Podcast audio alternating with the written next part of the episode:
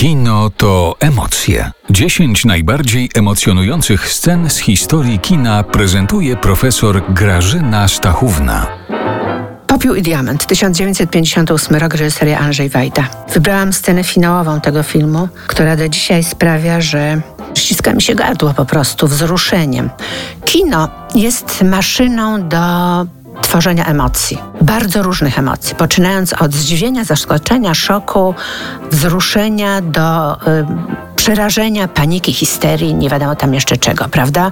Eskalacja tych emocji jest ogromnie duża i wielcy mistrzowie, ale także znakomici rzemieślnicy kinowi potrafią grać na nas widzach jak na najczulszych instrumentach, na naszym systemie nerwowym, pokazując nam rozmaite rzeczy na ekranie. I Wajda właśnie w taki sposób e, pokazał w tej finałowej scenie śmierci Maćka Chomickiego, granego przez e, Zbigniewa Cybulskiego, no coś, co z pozoru wydawałoby się najoczywistsze. Młody człowiek po dokonaniu morderstwa na lewicowym działaczu Szczuce ucieka w kierunku dworca. Przypadkiem wpada na patrol wojskowy. Oni zauważają u niego pistolet za paskiem spodni. On zaczyna uciekać, bo zupełnie traci kontrolę nad sobą i w panice ucieka, mimo że jest świetnym żołnierzem AK wyszkolonym w czasie wojny, ale tu właśnie jest koniec wojny, on już traci w ogóle panowanie nad sobą i zaczyna się zastanawiać nad sensem tego, co robi.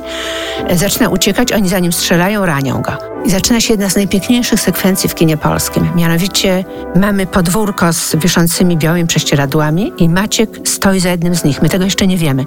Tylko nagle pokazuje się jego ręka, którą on poprzez te prześcieradła przyciska do brzucha.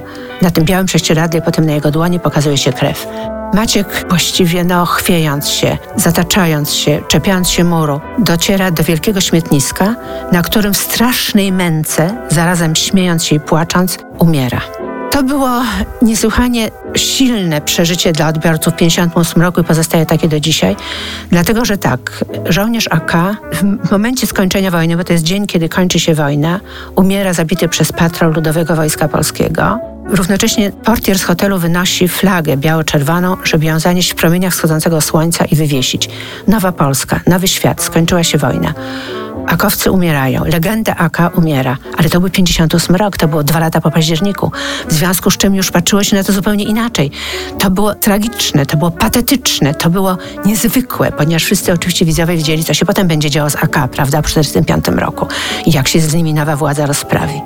Ale dla nas, współczesnych widzów, ta sekwencja finałowa ma jeszcze jedno znaczenie, profetyczne wręcz. Mianowicie, kiedy Maciek Cybulski biegnie na dworzec, tam pojawia się pociąg przejeżdżający i gwiżdże. Potem jeszcze dwukrotnie my słyszymy stukot pociągu, bo to jest pociąg, który miałby go zabrać z tego miasta, prawda, dać mu poczucie wolności. Natomiast my wiemy, że 8 stycznia 1967 roku na dworcu głównym we Wrocławiu Cybulski zginie pod pociągiem. I to się tak wzajemnie dla nas, współczesnych widzów, uzupełnia.